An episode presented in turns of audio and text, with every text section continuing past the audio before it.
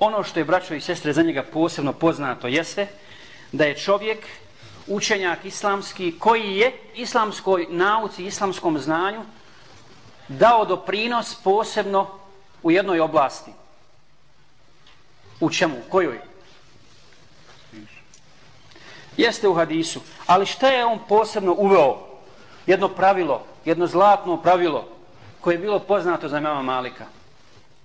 Nije samo za njega, za njega posebno. Ashabi su tako postupali, tabini i ostali islamski učenjaci. On je od onih koji su poznati po korištenju onog, onog zlatnog pravila u ilmu. To je vrahunac ilma. Ne zna. Ne zna. Kad ne zna, ne zna.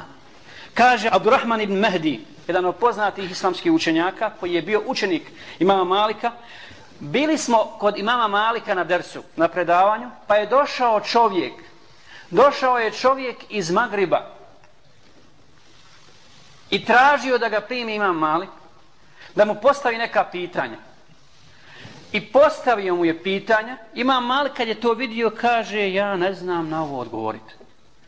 Ovaj čovjek kaže, subhanallah, kako? Ja sam šest mjeseci putovao. U jednoj predaji stoji četiri mjeseca. Moj narod me poslao i kad nisu, naši učenjaci nisu dali odgovor. Rekli su, ako neko zna odgovoriti na to, zna ima malik. Kako ću se vratiti sad? Toliko preputovao i kaže da ne znaš tako jednostavno. Kada dobro, ostavi me do sutra. Do sutra, prenoći tu u Medini, pa ću ti reći. Kad je svanulo, posle sabaha, ima malik mu kaže, ne znam odgovoriti na ovo. Pa kaže, šta ću reći ljudima kad se vratim? Reci im da ima Malik ne zna. Kad ne zna odgovoriti, odgovorit na pitanja koja su postavili.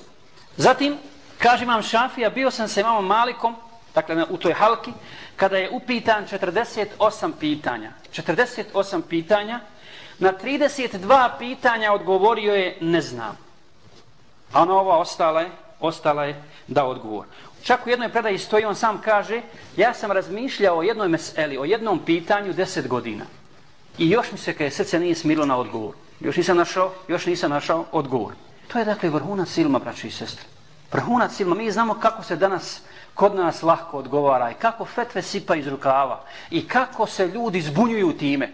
I kako se ljudi zbunjuju time. Abdullah ibn Omer, Abdullah ibn Abbas i mnogi islamski učenjaci, dakle, od ashaba, od tabina, koristili su to zlatno pravilo. Abdullah ibn Omer, kad mu neko postavi pitanje ko ne zna, rekao ja ne znam, pitaj učenjake. Kao da on nije učenjak pitaj učenjake, što se došao mene da pitaš? A od najpoznatijih učenjaka, među ashabima. Međutim, danas mi živimo u takvom vremenu kada ljudi lako daju odgovore. Posebno kad se radi o halalu i haramu, subhanallah. A islamski učenjaci su posebno tu bili vrlo, vrlo oprezni. I neki je sitna mesela, mala, mala, sitna, znaj, znaj. Ali neće da da odgovor. Jer halal i haram, ako kažeš da je nešto halal, a ono haram, kao da se promijenio, promijenio šerijat poput jednog čovjeka kojeg spomnju islamski učenjaci kaže davao je odgovore na sva moguća pitanja, a nije bio poznat učenjak.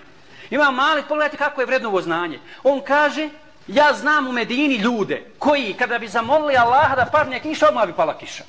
Ja kaj od njih ništa ne uzimam od hadisa.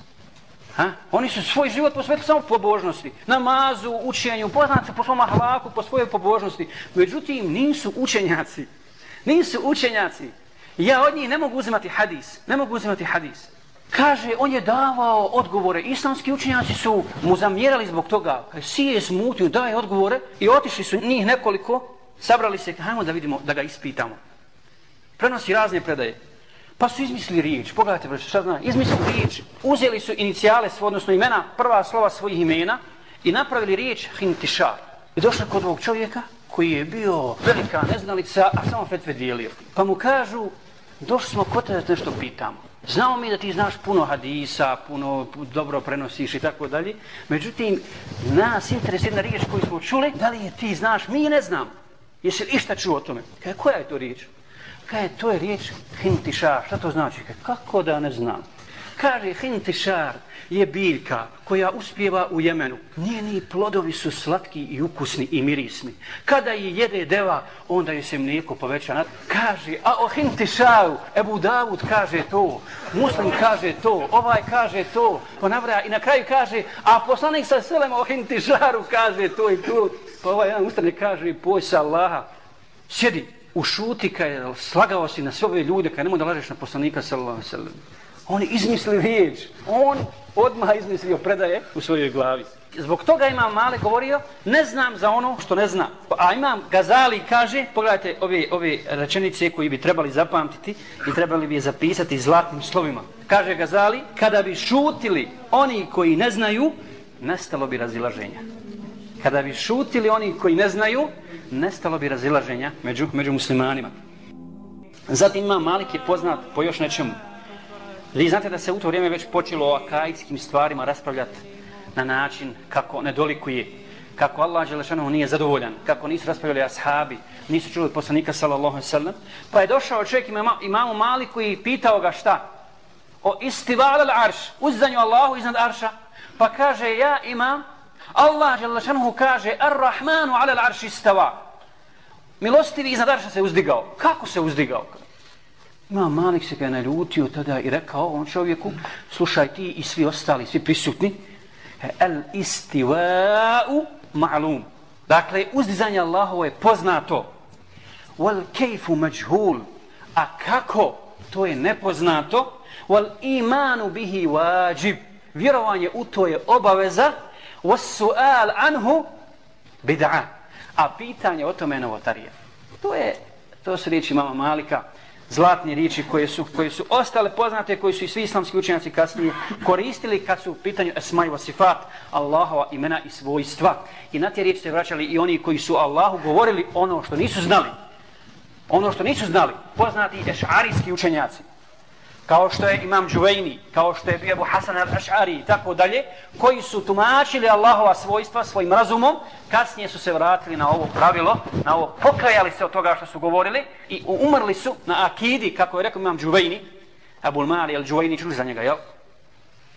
Imam al-Haramein, poznati je Šarija, koji je, koji je unio ta'vil u, u, u, u, u Esmaiva Sifatu i čak mnoge filozofske ideje, jedan od najpoznatijih filozofa je kasnije pred smrt Allah ga iskušao velikom bolešću.